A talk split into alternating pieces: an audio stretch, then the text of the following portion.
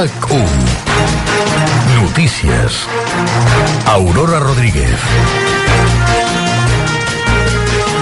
Bona tarda, són les 7. El foc que crema des del migdia al Bages avança molt ràpidament. Ho fa per una zona de vegetació i també zones boscoses, però també cap a zones habitades. Les flames avancen sense, els, sense control i els bombers se centren a intentar evitar que arribin a les cases. De moment, el foc ja ha cremat 440 hectàrees, 130 pertanyen al Parc Natural de Sant Llorenç del Munt i l'Ubac, que estava tancat des de divendres per les restriccions per l'onada de calor. Per la proximitat de les flames a zones residencials, Protecció Civil ha demanat el confinament de tot el municipi de l'urbanització de River Park, a més de també confinament a... Eh, el pont de Vilomara i en els últims minuts també s'hi ha afegit Sant Fruitós de Bages i Navarcles. A més, s'ha evacuat les cases que hi ha en la primera línia de foc i algunes de la urbanització de les Brocardes, a Sant Fruitós. De fet, en aquests moments la Creu Roja té preparats un centenar de llits per atendre aquestes persones desallotjades. El conseller d'Interior, Joan Ignasi Helena, ha arribat fa uns minuts al centre de comandament avançat que s'ha ubicat a Sant Vicenç de Castellet. Anem cap allà a última hora. Joel Penya. Sí, ara aquí que ha arribat al centre de comandament, el conseller d'Interior, Joan Ignasi Helena, està reunit amb els cossos que estan lluitant contra aquest incendi. Farà una nova actualització de l'estat de les flames de la superfície afectada en els propers minuts. Important, després de veure com ha anat creixent en les darreres hores. Eh, mentrestant, els bombers continuen treballant per aturar l'expansió de les flames, que ja arriben fins i tot a les C-16, a les, eh, en les que són les hores més crítiques del dia. A aquesta hora, des de Sant Vicenç de Castellet, el vent apreta més que fa una hora i la calor no dona treva. Per cert, que eh, també ara que s'han afegit a la llista de municipis confinats Navarcles i Sant Fruitós, els bombers recorden que per seguretat els pobles on hi ha l'ordre de no sortir de casa que respecti que ningú s'autoevacui, prenent decisions pel seu compte i tampoc eh, no vagi a xafardejar a prop de les flames. Com dèiem, eh, fins ara el foc ha cremat 440 hectàrees, però el potencial que té, segons els càlculs dels bombers, és que podria arribar a cremar-ne fins a 1.500.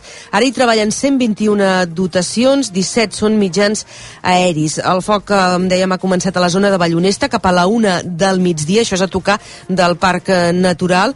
El Bages és una de les comarques en alerta per risc d'incendi extrem, un risc que s'agreuja per la sequera acumulada eh, i ara mateix, com dèiem, doncs les condicions meteorològiques no afavoreixen, eh, encara fa calor i encara bufa el vent hores molt complexes en aquest incendi del Bages per la proximitat de les flames a zones habitades, a urbanitzacions o també cases disseminades i com explicàvem, el foc evoluciona des del Bages Sud, des del pont de Vilomara on s'ha originat, cap al nord, cap a aquests termes municipals de Navarcles i Sant Fruitós de Bages. De fet, a l'urbanització de les Brocardes és on primer ha calgut desallotjar veïns. Parlem a aquesta hora amb l'alcaldessa de Sant Fruitós, Adrià Mascunyan. Bona tarda.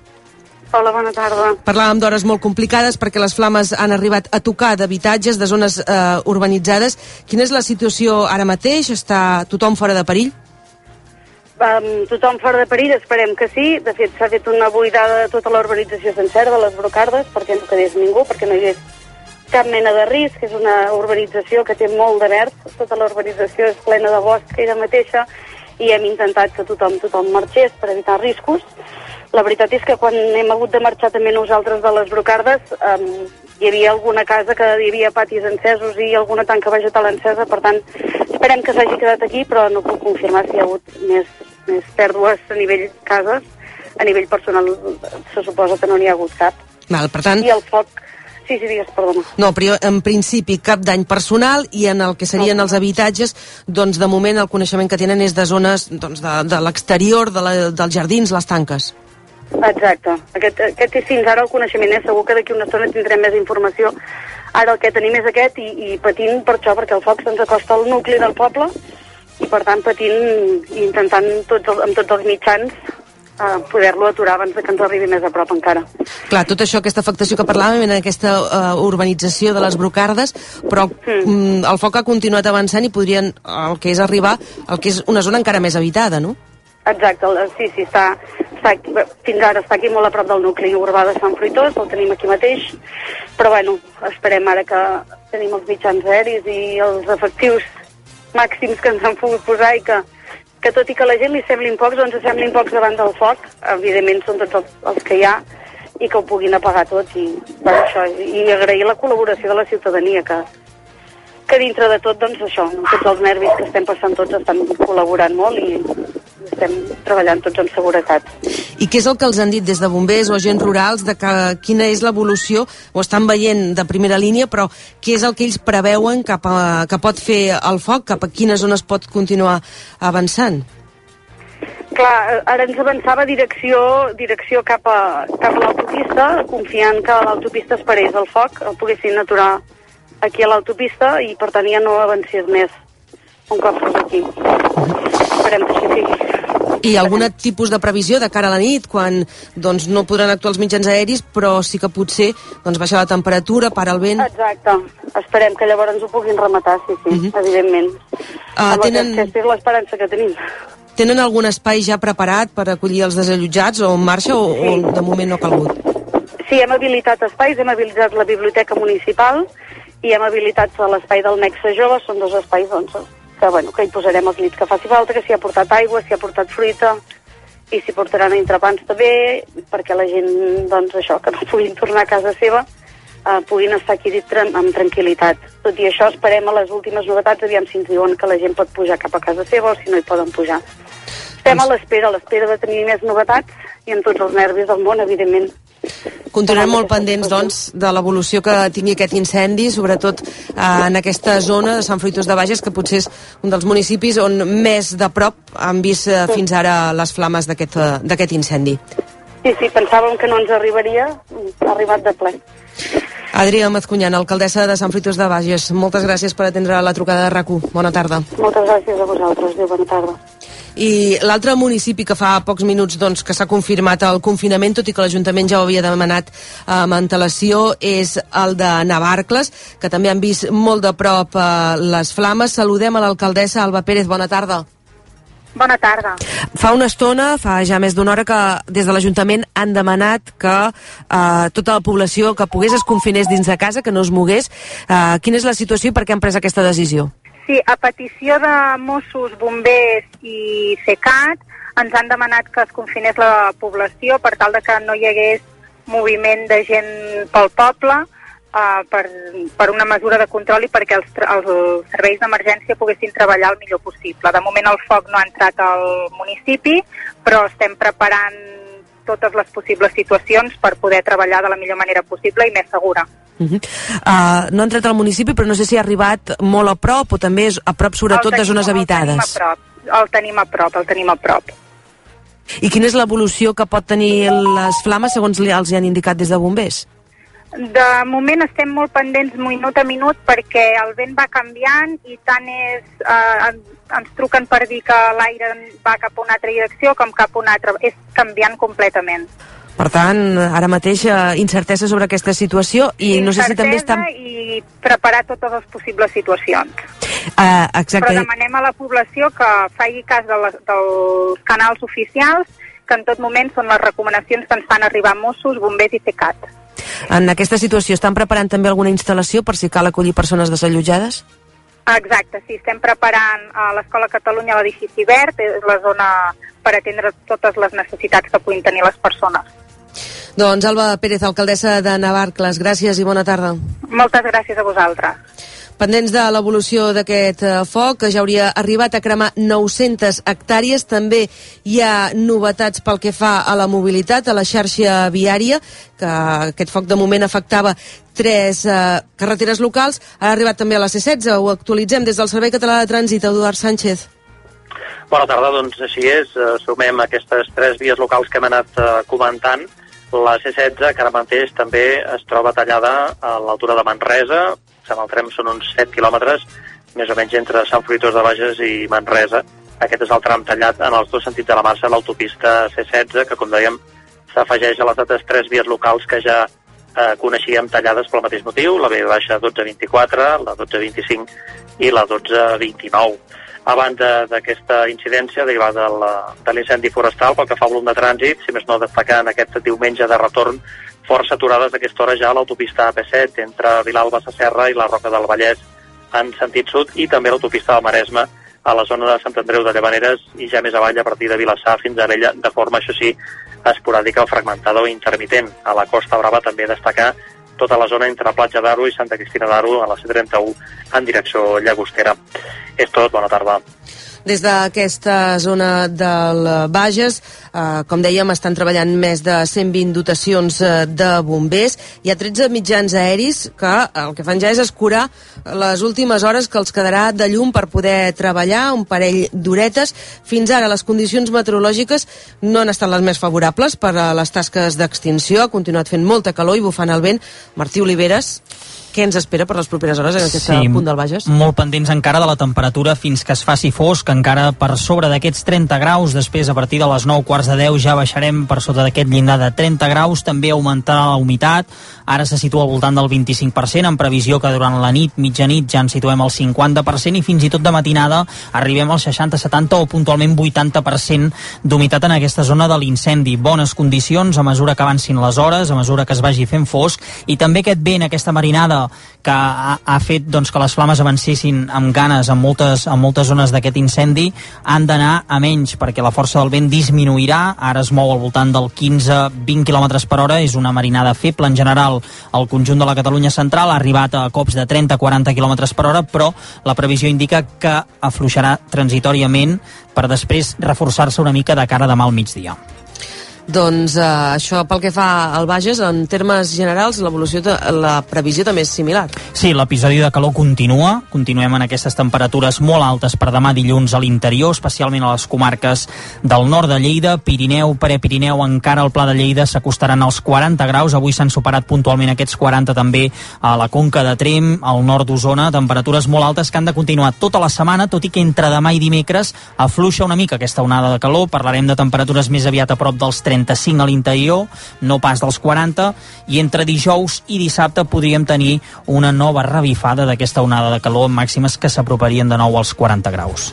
El foc ha començat al pont de Vilomara i Rocafort, al Bages Sud. Fins ara afecta també Sant Vicenç de Castellet, eh, Castellvell i el Vilà, i Navarcles i Sant Fruitós, que és on últim han arribat les flames, com escoltàvem ara en directe. Pel que fa a poblacions veïnes del pont de Vilomara i Rocafort a Castellgalí, l'alcalde Cristòfol Jimeno ha explicat que estan en contacte per eh, oferir qualsevol tipus d'ajuda. Des de que ha començat doncs, estem molt pendents i en contacte doncs, amb, amb, amb l'alcalde i amb els representants de, de, de, del pont de Vilomara i de Sant Vicenç de Castellet, però bàsicament doncs, eh, per, per, perquè per si hem de, de col·laborar i ajudar, perquè estem tots eh, una mica inquiets i pendents de l'evolució del foc.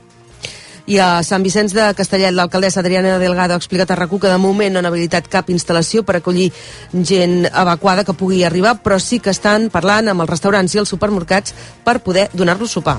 Nosaltres estem parlant amb bars i restaurants, eh, supermercats i establiments d'aquest tipus per si fes falta eh, a l'hora de, del sopar, per entendre'ns, doncs poder tenir tota, tot el material necessari per a aquestes persones.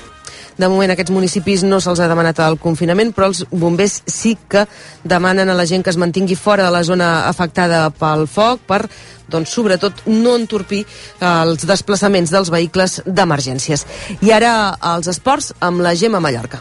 El Barça ha completat ja el seu primer entrenament en terres americanes. Ho ha fet sense Xavi Hernández, que arribarà a la matinada de dilluns a dimarts a Miami, després dels problemes amb el seu passaport. Lewandowski s'incorporarà a l'equip aquesta matinada hora catalana. Ronald Araujo ha celebrat la incorporación del polonés al Barça.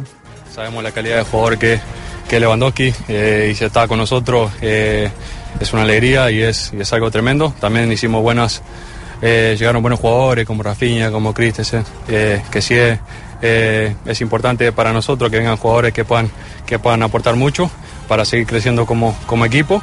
D'altra banda, fa uns instants ha arrencat la segona part dels dos partits del grup C de l'Eurocopa femenina. De moment, Suècia 3, Portugal 0 i Suïssa 0, Països Baixos 0. En bàsquet, el Girona ha anunciat el tercer fitxatge en la seva estrena a la Lliga SAB. Es tracta del base, del base Pol Figueres, tarragoní de 24 anys procedent del Palma. El belga Jasper Philipsen ha guanyat la quinzena etapa del Tour de França, seguit també del belga Van Aert i el danès Pedersen. La General manté a Vingegaard com a líder, tot i que ha patit una caiguda, i Pogacar segueix segon a 2 minuts i 22 segons. I tenim en marxa l'última volta del British Open. De moment lidera l'Australià Cameron Smith. Una última jornada en què John Ram s'ha situat provisionalment 34è a la classificació general. El català Adrià Arnaus també s'ha acomiadat del torneig amb un Niguel a l'últim forat, amb un balanç general d'un cop sobre el par en 76a posició.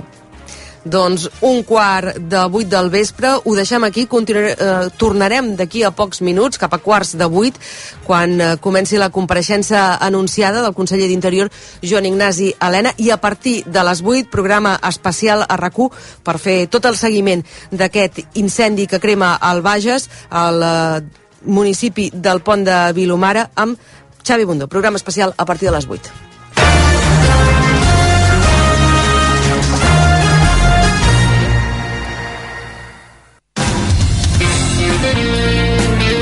RAC1 T'agradaria durar més al llit? Soluciona-ho. Amb les clíniques de test, controla la teva vida sexual. Som especialistes en la salut sexual de l'home. T'esperem a la clínica de test de Barcelona. Gran Via de les Corts Catalanes, 649, Baixos. La consulta és gratuïta. Millora amb les clíniques de test. RAC1.cat Recupereu tot el que sona a RAC1 a RAC1.cat. El portal de notícies de RAC1. Això és reconcentrat. Ah.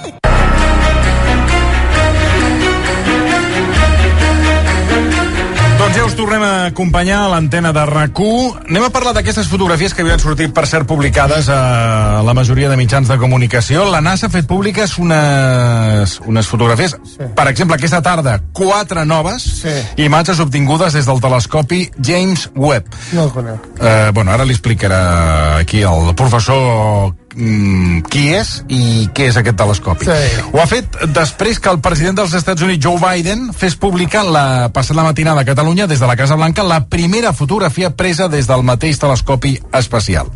Bé, et mires la fotografia i dius, bueno, jo eh, me l'he estat mirant aquest matí amb tot el carinyo, pensat, va, bueno, Sembla com sí. una discoteca. Sí, sembla que estiguin, eh, sap, no sé, ensenyant les fotografies del que era l'estiu de 54. Dic, li preguntaré al, li preguntarem al físic i doctor en enginyeria aeroespacial, avui la cosa, la tarda vegada de doctors, Miquel Sureda. Professor Sureda, bona tarda. Molt bona tarda. Gràcies per acompanyar-nos. Un aplaudiment pel professor Sureda, perquè li hem, donat, li hem fet un aplaudiment a Sala Martín. Professor Sureda també... Bé, um, primer de tot, el que farem és a la xarxa publicar, bueno, ja l'heu vist aquesta fotografia, però la tornem a publicar, la primera, la que hem vist avui. Uh, Ja l'acabem de publicar, tot just la, ara. la primera fotografia del James Webb, que per començar, per il·lustrar el senyor Virgili, mm. James Webb és el telescopi. James Webb és el nom del telescopi, és un telescopi espacial que està a l'espai. Per què es diu James Webb? Vull dir... És el nom d'un funcionari que treballava a la NASA i que en realitat no té res a veure específicament amb l'astronomia, però se l'estima molt perquè va ser els, dels primers que va donar molta importància a la ciència. Va, va, va, empujar, diguem, perquè la, ciència, perquè la NASA invertís molt en ciència i com que aquest telescopi el que fa és ciència, doncs se li va posar el seu nom. Per tant, era com un... què et jo? Com un benefactor. No, era un funcionari, treballava. Era funcionari, NASA, només funcionari, no, Mhm. no. I veus que sorprèn que li posin el nom d'un funcionari. No per res, però bueno. Sí, sí, sí, i de, de, va ser important a l'època de les Apolo. Ah. Uh I què, I què feien? Fórmules i coses es explicaven? No, no, no, no, no. No, era, era, era idees, més... Sí, prenia decisions i Veu? és un dels que va, dels que va estar doncs, doncs, eh, fent molt de lobby per això, perquè la NASA doncs, dediqués una bona part dels recursos en, en temes de ciència. Penseu que al final a l'espai eh, els recursos es poden destinar a moltes coses i en general la gran quantitat van per temes més aviat militars, estratègics, aleshores bueno, el, fet de que les agències espacials facin tanta ciència és una cosa que ha anat evolucionant amb el temps. El, el telescopi, jo li preguntava al professor Sureda, dic on el tenim, diu, ui, a no sé quants quilòmetres, a quan està aquest està, telescopi? està en un punt que es diu L2, vale? que Ui. està... és el punt de Lagrange 2, que és un punt molt especial perquè està sempre, diguem, quiet respecte a la Terra i al Sol. Quan la Terra va orbitant al voltant del Sol, el telescopi es va movent de manera que sempre està en la mateixa posició, junt amb la Terra i el Sol, i aleshores això fa que sigui un lloc molt òptim per estar mirant, diguem, cap a la- cap a l'univers, perquè tens la Terra i el Sol darrere que no et molesten. Però està més amunt o més avall que aquell altre que hi ha, que és el... està, està bastant més amunt. Bastant més amunt. Però de tota manera tampoc està tan lluny, un milió i mig de quilòmetres. Sí, res, tu, tu res, res. Això amb una marató tu ja, ja, ja arribes. Bueno, per què és tan important aquesta fotografia? Més que res, eh, de, després explicarem el que veiem a la fotografia, perquè sembla pues el que deia, sembla com una no, hi nit... allò els concerts de Sant Jordi, que ireu Sí. a veure els concerts i enceneu tots les A llumetes. veure, què ens està ensenyant aquesta fotografia? Aquesta estem veient? fotografia, si, si la veieu, eh, Sí. en realitat no és molt diferent a altres fotografies on, on pots veure un munt de galàxies, un munt d'estrelles, no? sí, bé. Aleshores, eh, què té d'interessant? Sí. Doncs que estem veient, gràcies a aquest nou telescopi, amb molta més precisió, amb molt més detall, i a més, això és molt important, Mm. estem veient més lluny. I veure més lluny a l'espai vol dir veure més enrere en el temps. Perquè quan tu mires estrelles o galàxies llunyanes, en realitat la llum que t'està arribant és llum que va sortir fa molt de temps. No? Pensem, per exemple, com que la, la velocitat de la llum no és infinita, triga en moure's, quan nosaltres veiem, per exemple, la llum que ve del Sol, Mm. aquesta llum va sortir del Sol fa 8 minuts. Sí? De, de manera que estem veient el Sol com era fa 8 minuts. Però en aquestes galàxies que estan a milers d'anys llum o a milions d'anys llum, els estem veient en aquell precís instant. De manera que si som capaços de veure molt i molt i molt lluny, som capaços de veure galàxies formant-se just poc després del Big Bang, en l'inici de l'univers. I això és precisament la finestra que ens està obrint el James Webb. Ens està portant, eh, ens està obrint la possibilitat de veure com es van formar les primeres galàxies del nostre univers, gràcies a que estem veient tan lluny que la, lluny que, ens, que la llum que ens està arribant va ser emesa en aquell moment. Però això pot ser que no, ja no existeixin. Ah, Efectivament, de fet nosaltres podem estar veient estrelles que, eh, això no estic parlant de, del James Webb, quan tu mires per la nit, no a Barcelona, perquè no es veu ni una estrella, per desgràcia, però quan tu mires i veus una Via Làctea Sí. ben xula allà... Quan vas ha- a Àger, per exemple. Exacte, hi ha estrelles que estàs veient que estan, doncs, això, a milers d'anys llum i que aquestes estrelles és possible, algunes d'elles que ja han, han fet una supernova, han explotat i per tant aquestes estrelles ja no existeixen. Aleshores, si això passa amb, uns, amb unes estrelles que, eh, com, com, com diem, veus estrelles, el dia que tens la possibilitat de disfrutar, ara que arriba l'estiu, que ho pots fer, veus aquests cels estrellats, o a l'hivern també, però eh, i dius que hi ha estrelles que ja no es veuen, aquestes estrelles, aquesta fotografia... Sí, són galàxies el que veiem aquí. Galàxies. I quina, Són diferència, galàxies. quina diferència hi ha entre galàxies i estrelles? Eh, una galàxia és un conjunt d'estrelles, en general molt gran, no? Eh, L'univers està molt buit i de sobte et trobes una zona on hi ha... Molt buit vol dir que no hi ha res? L'univers, durant, Negre, durant, fosc. molt, durant, moltes, durant molta part de l'espai no hi ha res i de sobte trobes una galàxia com la nostra, que es diu Via Làctea, que té centenars de milers de milions d'estrelles allà posades, vale, que s'han anat ajuntant per, for, per efectes gravitatoris. Moltes vegades hi ha un forat negre al mig. De fet, fa poc veu parlar d'aquesta Sí. sí. fotografia del forat negre que hi ha al centre Sí. de la nostra galàxia, no?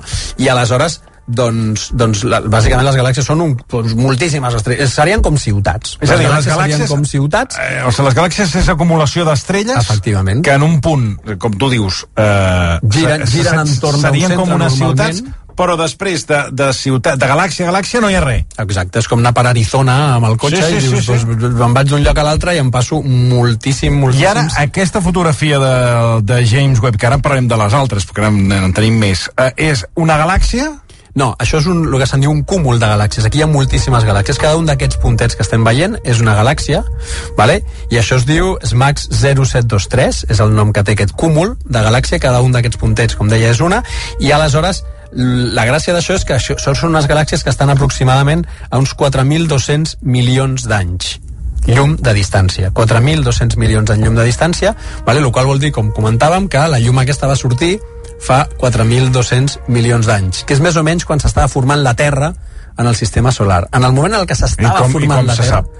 Clar, com saben que té 4.200 milions No, d'anys? no, no, jo dic com Ah, se no? sap que fa 4.000 milions Sí. d'anys es va formar la Terra. Ah, bueno, no, clar, tot, tot això, a veure, eh, són preguntes molt diferents. La, Sí. la Sí, no, distància... clar, la que dis- cadascú mira el seu quilometratge. Perdoneu, perquè clar, estem aquí bombardejant-lo. No, la distància, la distància a la que estan les galàxies, les estrelles, la podem saber per, un, bueno, per la, les qualitats de la llum que ens arriba. Nosaltres penseu que al final, quan fem astronomia, amb la llum que ens arriba hem de descobrir un munt de coses. Es poden descobrir, per exemple, la composició, l'edat de les estrelles i també la distància. Bàsicament això té a veure amb que quan s'estan movent aquestes estrelles, depenent de com s'estan movent, la seva llum canvia, canvia cap al vermell, canvia cap al blau, aleshores, bueno, amb una sèrie de, de, de raons físiques, tu pots saber, doncs això, la distància, pots saber l'edat, pots saber eh, inclús la composició.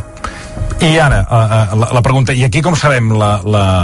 O sigui, Parles de la Terra. De la Terra, de, que parles d'uns 4.000 milions d'anys, com ho sabem? Sí, 4.200. Però com s'ha Eh, bueno, com s'ha calculat, això? Això s'ha calculat perquè s'ha- estudiat com, és la, com ha sigut la formació del sistema solar. En un primer moment tu pots saber l'edat, per exemple, del Sol, perquè com dic podem saber l'edat de les Mhm. estrelles i en base a això, doncs quan saps una mica l'edat i sabem com es van formant aquests sistemes solars, doncs aleshores eh, la formació de, de cada un dels planetes la pots datar directament. Aleshores, tornant a la, la primera fotografia, que és la que pod- podeu veure a través de la xarxa i que avui ha estat publicada a tot arreu, tu dius que són un cúmul de galàxies. Sí. I cada galàxia té els seus planetes? Eh, sí, de fet nosaltres ara estem començant a descobrir, nosaltres veiem molt fàcilment les galàxies perquè fan molta llum, com podeu veure aquí. Les galàxies fan molta de, Perquè són un munt d'estrelles, Sí. és com posar moltíssimes bombetes juntes, no? Però un munt d'estrelles, quantes ne parlem?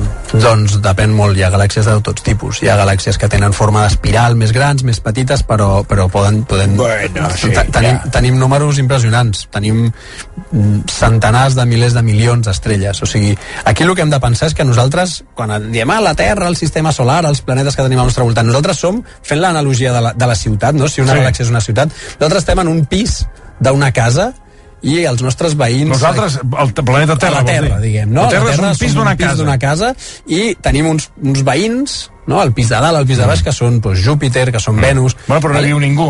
Mm, eh, eh, segurament no, però no n'estem segurs. Però bueno, el fet és que tenim uns planetes veïns, però això només és l'inici, si nosaltres fem un zoom cap a fora, no? a fora del sistema solar, del nostre Sol, hi ha moltíssimes estrelles al nostre voltant que formen la Via Làctea, que és una galàxia.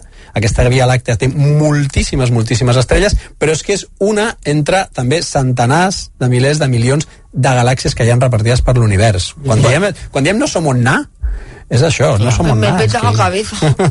Sí, sí, sí que petes. Sí. Clar, però eh, et vas imaginant la galàxia que, bueno, la, galà la galà o sigui, la, el que seria l'autopista, exacte, l'univers...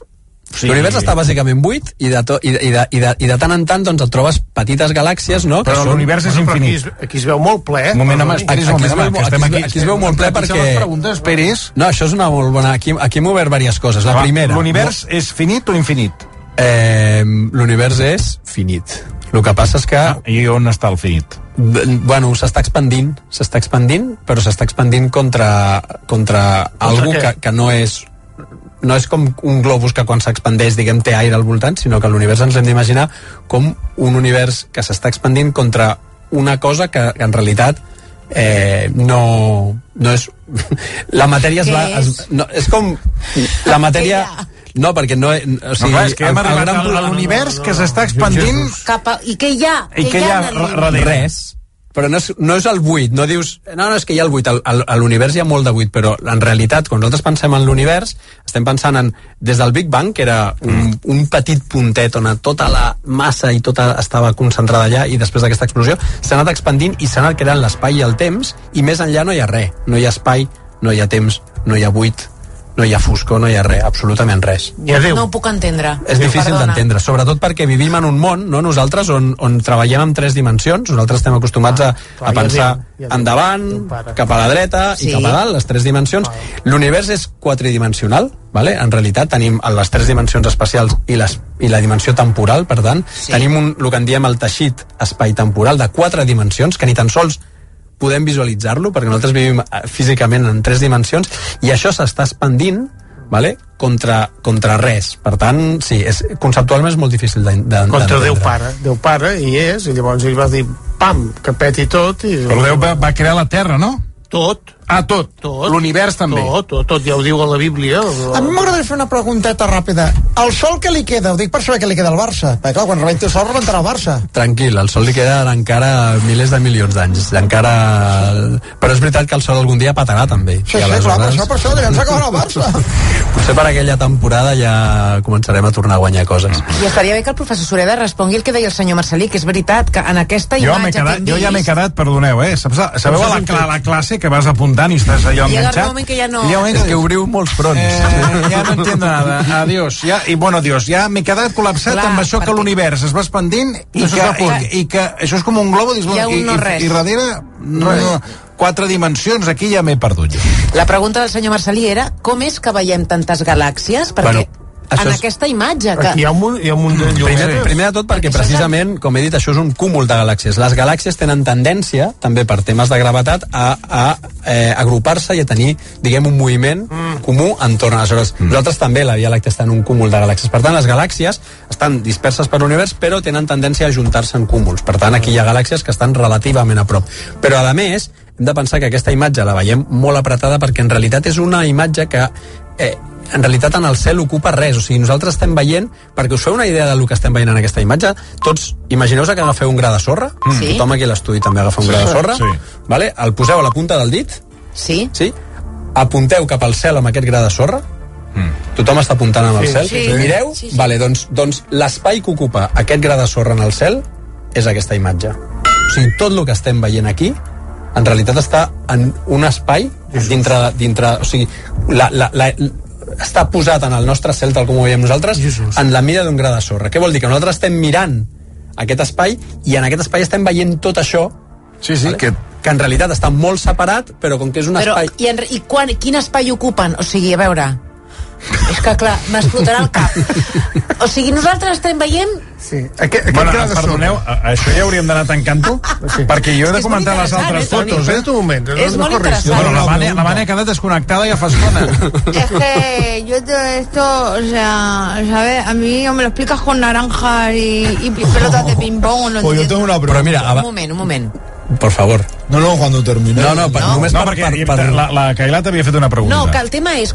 Val, molt bé, estem veient el que hi ha el que granet. ocupa en un granet de sorra apuntant sí, al que cel. és la fotografia aquí, de, de la NASA. I són moltíssimes galàxies amb una sola imatge. Sí. Això, en, això en espai... És que clar, si aleshores mirem cap a una altra banda, allà hi ha no sé quantes galàxies més, no sé quantes... O sigui, clar... Sí, sí, és el que he dit. És, eh, en aquest sentit és, és totalment impossible de, de, de, de, de pensar amb el nostre cap a l'hora de la magnitud. És, és com pensar Bestial, en eh? conceptes com infinits. I de fet aquesta imatge té una cosa molt interessant, que és que el cúmul de galàxies és el que està al centre, mm. però si us fixeu en la imatge, als voltants, a la zona de fora, hi ha galàxies que estan com deformades. Hi ha Sí. algunes galàxies Sí. que estan que semblen, inclús algunes semblen el rellotge de Dalí. Sí, rares, així. sí, no, sí. això és Semblen perquè en realitat aquesta, lluminosos. Aquestes, Mm. aquestes galàxies que estan com, com, com estirades, com deformades, Sí. és perquè en realitat no són d'aquest cúmul de galàxies, estan per darrere i estan molt més lluny i el que ha passat és que eh, estan deformades per un efecte que es diu lent, lent gravitacional, que és bàsicament que la llum, quan passa, la llum que surt d'aquestes galàxies i passa a prop d'aquest cúmul, com que aquest cúmul té tanta massa perquè hi ha moltes galàxies, el que fa és que es deforma. És com si jo em vaig menjant i em vaig posant gordet, ara ho estic una mica, però molt més, més, més, més, més, més, el Toni podria veure el que hi ha darrere meu, perquè la llum de les coses que hi ha darrere meu es, de, es curvarien quan passessin a prop meu i passarien pel meu voltant i anirien cap al Toni.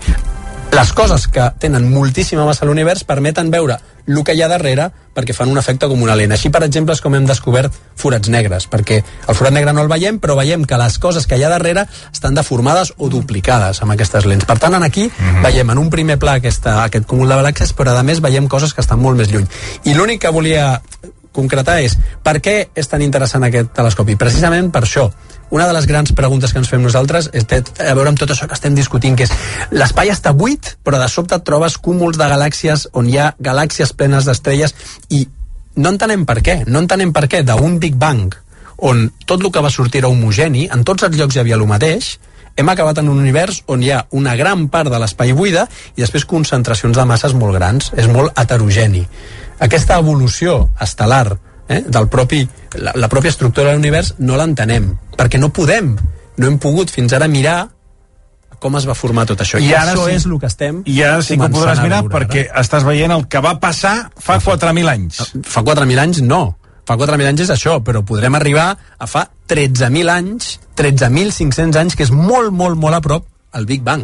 Bueno, això si us, us, us deixa veure el nostre senyor, eh? Bueno, jo... Eh, aquí hi ha un oient que m'apuntava que això d'aquest eh, univers inf, in, eh, finit que es va enxamplant, que li genera angoixa, a mi també. És com si estigués veient un globus vas- que al final dius... Això, Això farà un pet com una. Exacte. Bueno, eh, jo volia, com, clar, preguntar-li al professor Sureda les altres fotografies d'avui, perquè, com dèiem, la NASA ha fet públiques fa poca estona quatre noves fotografies. Són el planeta WASP 96b, que sembla de pel·lícula de ciència-ficció, la nebulosa planetària de l'anell del sud, les estrelles de la nèbula de Carina Carina? Sí, i el... ¡Qué ilusión! Sí, Carina amb C. Ay, Ah, però bueno, però, pero lo mismo. però seria potser un homenatge a la nebulosa habitual de Carina. I el clúster de galàxies de Stephens Quintet, el primer grup compacte de galàxies. A veure, anem a la primera de les fotografies, que és la composició atmosfèrica del planeta eh, Gasos WASP 96b, és que sembla... Eh, sembla que orbita al voltant d'una estrella que es troba a 1.500 anys llum de la Terra. A veure, aquesta fotografia, què ens aporta? En realitat això no és una fotografia, aquí el que hem fet és una cosa ah. que es diu espectrografia, ¿vale? Hem, hem vist el seu espectre, què vol dir això? Això vol dir que quan nosaltres ens arriba la llum, el que comentàvem abans, nosaltres, eh, els, no, jo parlo nosaltres, mm. però els astrònoms, jo sí. soc més enginyer, els astrònoms treballen amb llum. Ara estan treballant amb altres coses, que són les zones gravitacionals, però en general treballen en llum. I què fan amb aquesta llum? Han de buscar-se la vida, per saber tot el que puguin, no?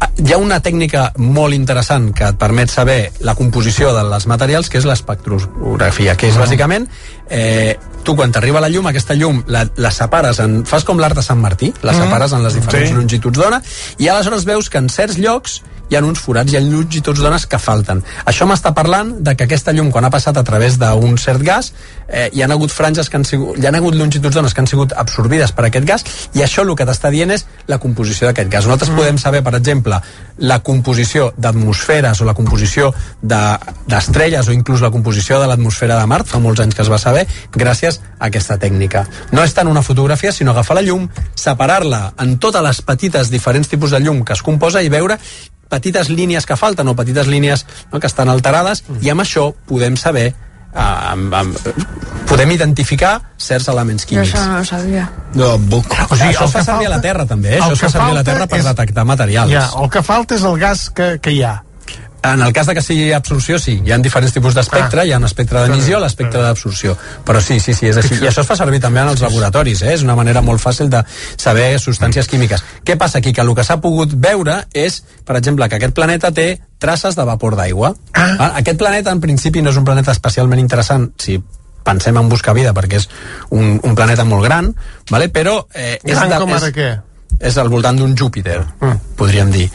Vale? És un Júpiter calent, es diu. Però ara, perdona, eh? On som ara? És que ja m'he Som en perdut. aquest Aquesta planeta, foto, en aquesta foto planeta- de A la primera. Planeta A la primera. El Però és, planeta que aquí, és que aquí veus, em dius que això és un... Es, una, És la gràfica aquesta, tu pots un veure... en, espectrograma d'aquests. Bueno, és- tu veus uns puntets? Sí, però, però aquí, no és el això- planeta, aquí. Per això, el que t'estic dient és que no és una foto. Que aquí el que Ja. tenim és una informació sobre com és la llum que ens està arribant, que és una gràfica al final i que té a veure amb una sèrie de línies, i això el que ens permet és saber la composició de l'atmosfera, o la composició... Però aquí no es veu cap planeta.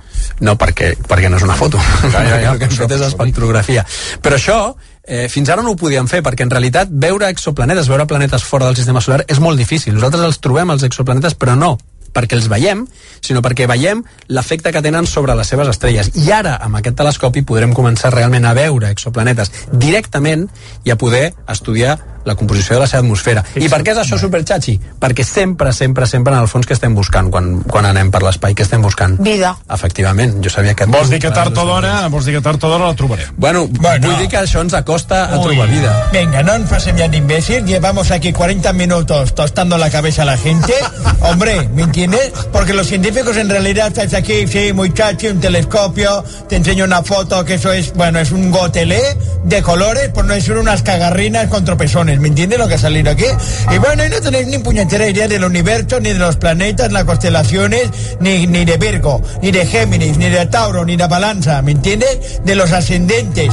Todo esto que sale aquí, no, no sale nada, ¿me entiendes? Estem parlant, Claro. de, estem, eh, parlant de física Sí, i claro, de, sí. i de eh, astronomia. Cagarrotas es lo que son. ¿Me No, Que lo dije yo, que los científicos son las cagarrotas, los hechiceros de la antigüedad. Y pasan los años, han pasado más de 20 años desde que yo estuve en Con Radio, que me estafaron el señor Cuní y el otro científico que había, el señor Catalá, y estamos Sí, en la sí, misma sí, sí. encerrona, me están jodiendo.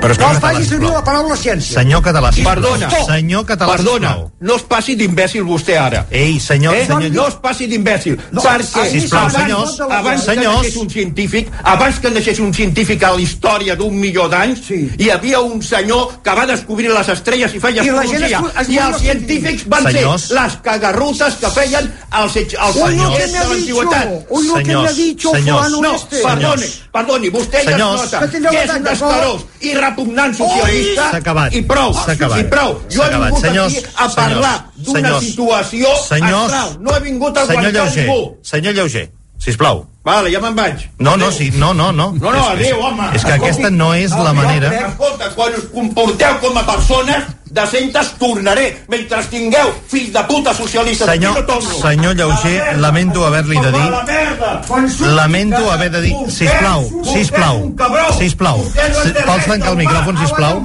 Vol, vol tancar el micròfon, sisplau? Gràcies. Fora. Publicitat, sisplau. Sí, ¿queda claro? Habéis hecho una foto de una cagarrota, ¿me entiendes? Tirar de serrín y limpiarla, es lo que tenéis que hacer. Vostè què porque- passa? Que la que se surt d'Àries, eh, Taura, Claro, tot això... desmunta. Sagitario, Pisces, el descendent, las contraposiciones de planetas, y eso sí, pero no me vengas aquí a hablar de todas estas mierdas, tío. Y del planeta ese de la nubelosa de Karina y de, de, de, de, de cariño. hombre. Tío, dejad de ir con los huevos ya, hombre. Primer, quedar malament davant dels Sí, no, convidats. exacte, sí, sí. Jo demano disculpes al professor Sureda perquè... A mí me gustaría preguntar una cosa. Sí, vinga, a veure si aixequem una mica el nivell, perquè he de comentar encara tres, imatges.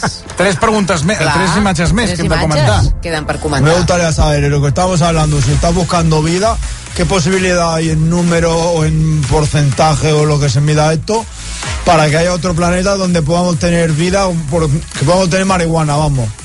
¿Hay posibilidad que en otro planeta existan plantas de marihuana como la de aquí? Sí, sí, sí, claro. Es un tema estadístico. Es ¿Y, un tema. y qué número hay de posibilidades? Pues eh, depende de lo optimista que seas, però eh, eh, en realitat, com parlàvem, hi ha tantes galàxies plenes de tantes estrelles en planetes que és molt difícil imaginar que no hi ha situacions que no s'han donat, no una, sinó milers de situacions Claro. Exactament igual que les de la Terra, condicions molt semblants i per tant eh, és molt difícil pensar que en condicions semblants no han sortit eh, planet, ai, perdó, formes de vida i formes vegetals i... Una altra cosa és que ens trobem. Bueno, deixeu-me comentar, perquè si no no em quedarà temps les, la resta de fotografies. La segona imatge que ha publicat la NASA aquesta tarda és una nebulosa planetària anomenada Nebulosa de l'Anell del Sur. Què, què és això, aquesta fotografia? Què, què ens, què per, ens comen està... per començar, és una nebulosa extremadament fotogènica. És una d'aquestes imatges que sempre, que sempre Superbonita. quan... Super bonita, ¿no? Eso unos se lo, se lo ponen en la paret allí com un quadre. Me gustaría tatuármela. Te'n pots posar també de fons d'ordinador que va donant voltes? Saps? Exactament. Allò que, mira, també que, també es porta això. Bueno, que, a banda d'això, què, què, què, Què ens està, què ens està exp- explicant? Bueno, no, aquesta nebulosa es coneixia, eh, així, com, així com en la primera imatge, la, de, la del el primer clúster que, que es va donar ahir, eh, hem vist galàxies noves en aquesta nebulosa, diguem, no, no és una cosa que sigui Nova. nova però el que tenim és moltíssima més resolució i sobretot, molt interessant això és que com que ho estem veient en infraroig no? fins ara, nosaltres pensem molt amb les imatges que estàvem rebent de telescopis anteriors, bueno, el Hubble encara està funcionant, no? el Hubble tots el tenim al cap, el Hubble funcionava amb un tipus de llum que és llum visible, llum ultravioleta i una mica de llum infraroig en canvi, aquest telescopi, el Webb treballa molt més cap a l'infraroig i cap a l'infraroig mitjà. Longituds d'ona més grans, diguem, ones, diguem que són més suaus. Això què fa? Que encara podem... Primer, que veiem un altre tipus de llum i, per tant, un altre tipus de qualitats, però, a més, que ens permet això que dèiem de podem anar més lluny i podem arribar, diguem, més lluny en la distància i, per tant, més lluny en el temps. Per tant, aquesta nebulosa, que al final les nebuloses no són més que moltíssim gas i pols que són romanents d'explosions d'estrelles i que en aquí es formaran noves estrelles, no? amb, nous, amb els materials que hi ha aquí, doncs les estem veient amb molta més precisió i també amb un altre tipus de longitud d'ona. Però deixa fer una pregunta. Si ara Bueno, me escolta, rapten- que hem d'anar a les altres fotos, que no donem temps. Ara imaginem que em rapten un- uns extraterrestres, un ovni, és que- rapten... és que- és que- No, I anem cap Va, aquí, home. cap a aquesta nebulosa. Mhm. Jo, diguéssim que amb la nave, quan anéssim arribant cap a la nebulosa, la veuria d'aquests colors i d'aquesta manera? Molt bona pregunta, és una cosa que havia de dir i que no havia dit. En realitat, totes aquestes imatges estan pintades. ¿Ves? Ara heu de fer un... ¿Es ¿Ves lo que decía? un Claro. d'aquests de... Sí, parece esos grafiteros que hay ahí en Ibiza que con cuatro grafitis te hacen un cuadro, ¿me entiendes? Venga, Sí, con ¿qué- planetas qué y vols dir mierda. que Diem- diem que són- ¡Hombre! Diem que són imatges que, que estan en fals color, vale? Què passa? En realitat, com que aquesta llum és llum infraroja, és llum que nosaltres no podem veure. Tots sabeu que els rajos infrarojos no els podem veure. Quan nosaltres apretem el mando de la tele, per exemple, o el Sí. mando de... Estem, estem emetent una, una mica de llum, radiació infraroja, nosaltres no som capaços de veure-la, hi ha alguns animals que unes bandes sí, vale? nosaltres només veiem en, un, en una part molt petita, diguem, de l'espectre de tot el tipus de llum que hi ha, vale? per tant, en realitat, aquesta llum nosaltres directament no la, no, no la veiem. El que passa és que el telescopi és capaç de eh, captar-la i aleshores nosaltres la processem i el que fem a l'hora de processar-la és convertim les longituds d'ona aquestes que nosaltres no veiem en colors visibles, de manera que ho estem, estem fent com una traducció, diguem, mm. per poder, d'alguna manera, identificar. Aleshores, normalment s'identifica de manera que doncs, diferents tipus de materials, per exemple, tenen diferents colors. Nosaltres podem identificar diferents tipus de compostos químics amb diferents Però si colors. estiguéssim allà no veuríem res. Te lo inventan. No, aquesta, no, no estic dient que aquesta nebulosa no es vegi vale, en, en llum visible, però estic dient que les imatges, per exemple, que està agafant el James Webb, tota aquesta llum que realment està captant el James Webb, està en infraroig i per tant nosaltres no l'estaríem veient. Anem a la tercera fotografia, que és la del clúster de galàxies de Stephans Quintet a uns 300 milions d'any llum anys llum del nostre planeta en una piulada 300 milions milions d'anys llum Aleshores, la NASA l'ha definit com un seient de primera fila a l'evolució galàctica. Sí, què vol dir això? Què és el que veiem en aquest en aquesta imatge? Bueno, aquí veiem cinc galàxies, vale, que estan així, de nou un clúster en aquest cas, de, de- de nou estan vinculades entre elles, i eh, quan diuen Ara són tres quarts de vuit del vespre, aturem la programació pels eh, incendis que acaben d'arrencar fa unes quantes hores aquesta tarda al cor de, Cutra- de Catalunya al Bages.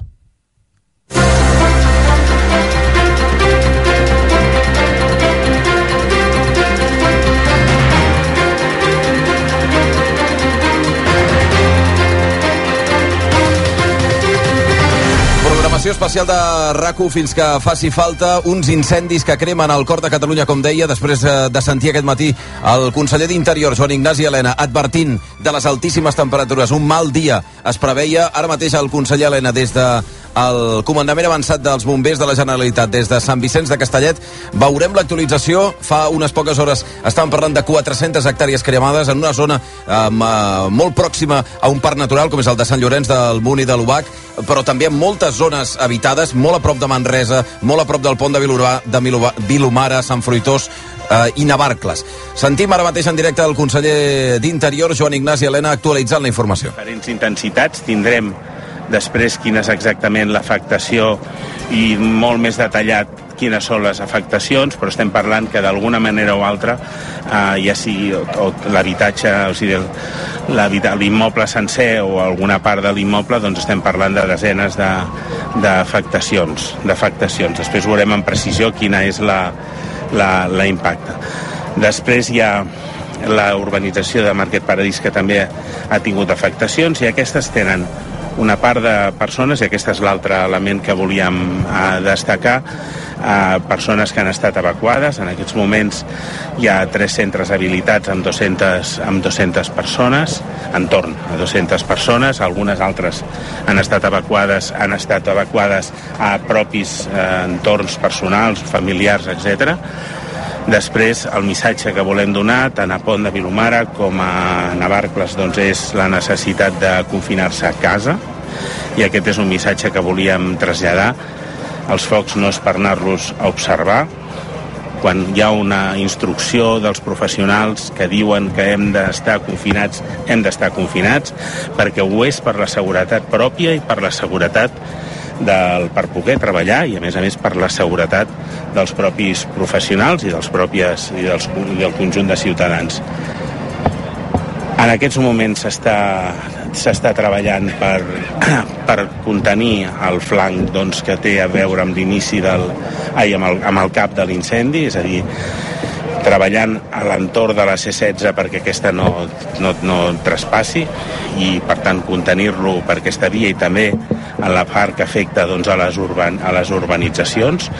La intensitat i tota l'energia s'està posant en, aquesta, en, aquest, en aquest espai i a la part del flanc i per tant el flanc dret per, per la part que toca el parc després, en Morell ho explicarà amb més precisió, s'està treballant també amb intensitat i creiem que podem abordar-lo amb molta més força en el moment que haguem garantit l'estabilitat d'aquesta part, de la part que afecta més a les urbanitzacions i a la línia i a la línia de la C-16.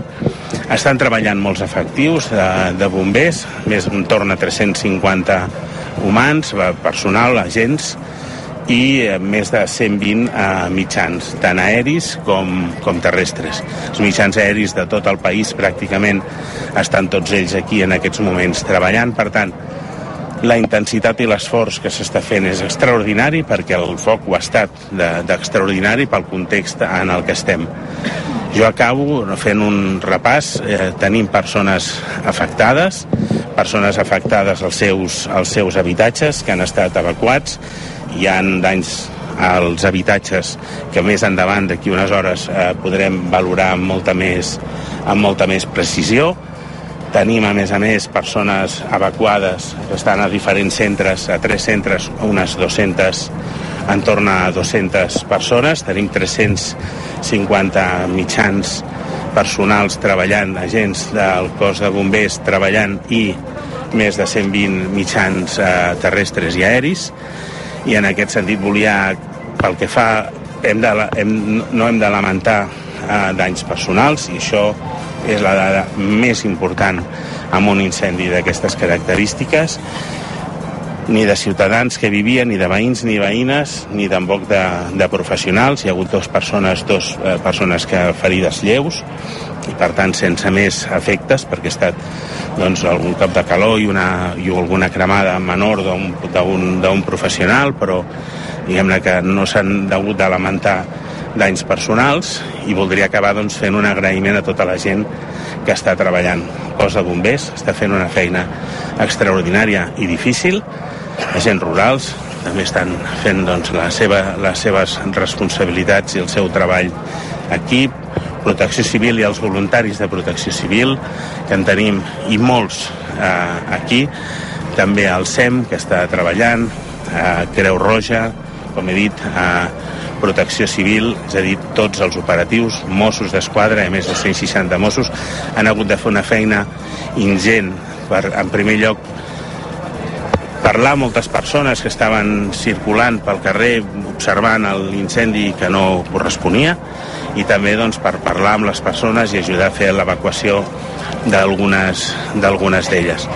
Per tant, un agraïment molt especial a tots els serveis, també naturalment a les ADFs que estan fent la seva, la seva feina d'una forma magnífica, així com també els pagesos que estan ajudant a la C-16 doncs, a, a fer la seva per ajudar doncs, també a aturar, a aturar l'incendi. Acabo dient que han sigut tres dies, perdó, cinc dies molt intensos de calor. Ens hem trobat amb aquest incendi que no hauríem volgut tenir. Però si al conjunt del país no hi ha hagut més incendis, n'hi han hagut, però un, més incendis de, de rellevància ha sigut gràcies a la responsabilitat dels ciutadans i ciutadanes que han fet seva aquesta feina de prevenció, el treball de prevenció que fan tots els cossos de seguretat, amb la força i la rapidesa que s'ha treballat per aturar-ne molts que han hagut, perquè han hagut desenes cada dia que s'han que s'han contingut i s'han apagat de forma, de forma immediata i res, que seguirem. Després, més endavant, d'aquí una estona farem una, una nova compareixença per explicar amb més precisió els nous passos que, que farem i també per avaluar alguna de les informacions amb més precisió i li passo la paraula a David Borrell, el cap del cos de bombers, per explicar una mica el pla. Estem parlant pràcticament ja eh, en RACU en directe des de Sant Vicenç de Castellet, des del el centre de comandament avançat dels bombers de la Generalitat de Catalunya, amb l'actualització a aquesta hora de la tarda, quan falten 8 eh, minuts per les 8 del vespre. Ja són 978, pràcticament 1.000 hectàrees les cremades en aquest incendi que hauria arrencat a primera hora del, del, de la tarda a, el, eh, més o menys al nucli, no, no al nucli exactament, del pont de Vilomara, en aquesta, l'entorn de l'ermita de, de Vallonesta, molt a la porta del Parc Natural de Sant Llorenç del Munt i de l'Ubac, i que hauria anat avançant eh, a prop de la carretera C16 cap amunt, a Navarcles, a Sant Fruitós de Bages, i que preocupa especialment als bombers de la Generalitat, no per la seva extensió, eh, que tindria, deien, un potencial d'unes 1.500 hectàrees, sinó la proximitat amb molts eh, espais eh, urbans i molts espais habitats. Deia eh, que s'estan dedicant 120 mitjans eh, terrestres i aeris, el conseller, unes 350 persones dedicades, pràcticament el, la majoria dels efectius eh, disponibles dels bombers treballant en aquest incendi, un esforç, deia, extraordinari, gairebé tothom treballant per aquest incendi, amb persones afectades des del punt de vista dels seus habitatges, encara s'han de fer els càlculs, però hi causant danys a les, als habitatges, a les cases de les persones. Se n'han evacuat unes 200 que estan eh, resguardades en tres centres diferents, tot i que de moment, sortosament, no s'han de lamentar danys personals. Seguim escoltant a aquesta hora de la tarda l'inspector en cap dels bombers, David Borrell, que està compareixent des de Sant Vicenç de Castellet. Teníem al, al llarg de, del dia d'avui aquesta situació s'ha vist a més a més agreujada per eh, les tres urbanitzacions on l'incendi sabíem que impactaria. Eh, amb dos d'elles ha impactat de cap, amb una de flanc. Això ha fet que tinguéssim desenes d'afectacions de, de, de cases eh, que hi, hi hem, on hi hem abocat diguéssim, molts recursos eh, del cos de bombers per minimitzar doncs, els, els danys que, que han patit aquestes cases. Són danys de diferent eh, gravetat. Després els hi podrem precisar eh, una mica més doncs, quin és l'estat d'aquestes afectacions. Estem, ara mateix l'estem eh, avaluant a hores d'ara i creiem que a la pròxima compareixença doncs, ja, ja podrem donar dades més aproximades de si són afectacions eh, de cases totals, si són eh, sobretot jardins, que sí que hem vist que hi havia molta afectació de, de, de jardins, de, de tanques eh, i de més. Aquest comportament tan agressiu, eh, aquest, eh, la, la, la, el tindrem fins aproximadament a aquesta hora. Eh, a partir de les 8 està previst que baixi la intensitat de l'incendi, que s'igualin les forces entre la capacitat d'extinció que té el cos de bombers, tant a nivell de mitjans aeris com d'unitats terrestres, amb eh, la velocitat que té que té l'incendi i això ens permet doncs, que plantegem les properes hores amb una prioritat molt clara del cap de l'incendi i el flanc esquerre, és a dir, eh, on tenim ara mateix la C-16. La, la C-16 i el cap de l'incendi és la nostra primera prioritat i després, una vegada la tinguem, diguéssim, garantida, ens centrarem en que no avanci en direcció cap al parc natural. Aquesta seria una mica l'estratègia que, que plantegem per les properes hores i la propera nit. Quin potencial pot tenir El potencial de l'incendi, si ens afectés les zones del parc natural, arribaria, superaria les 6.000 hectàrees. Ara mateix estem a, a unes eh, per sobre de 1.000 hectàrees, bueno, estem treballant perquè, perquè no arribem a aquest potencial màxim i evitar que, que ens entri al parc. Aproximadament unes 200 persones perquè el que s'ha fet és evacuar no totes les urbanitzacions afectades, sinó les primeres línies de cases. És a dir, allà on l'incendi impactava, la primera línia sí que s'ha evacuat, dins la, diguéssim s'ha reubicat la gent preferentment dins de la mateixa urbanització i la resta de la urbanització doncs, s'ha preferit mantenir el confinament. Cal tenir en compte de que eh, en el moment on la gent abandona, eh, diguéssim, està en trànsit, abandona la, la casa i va a un lloc segur, és un moment on les persones són molt vulnerables i els mirem sempre de minimitzar. Jo tenim molt temps per fer-ho amb tranquil·litat i amb seguretat, o si no preferim sempre confinar que no pas evacuar per evitar aquesta sobreexposició de les persones. Ah, estem en directe al, al 324 i ah, li volíem preguntar el terreny ha- facilitat eh, i les condicions eh, que el foc avancés amb, amb molta facilitat, no? tant per la, per la calor com per, per, per la sequedat del terreny.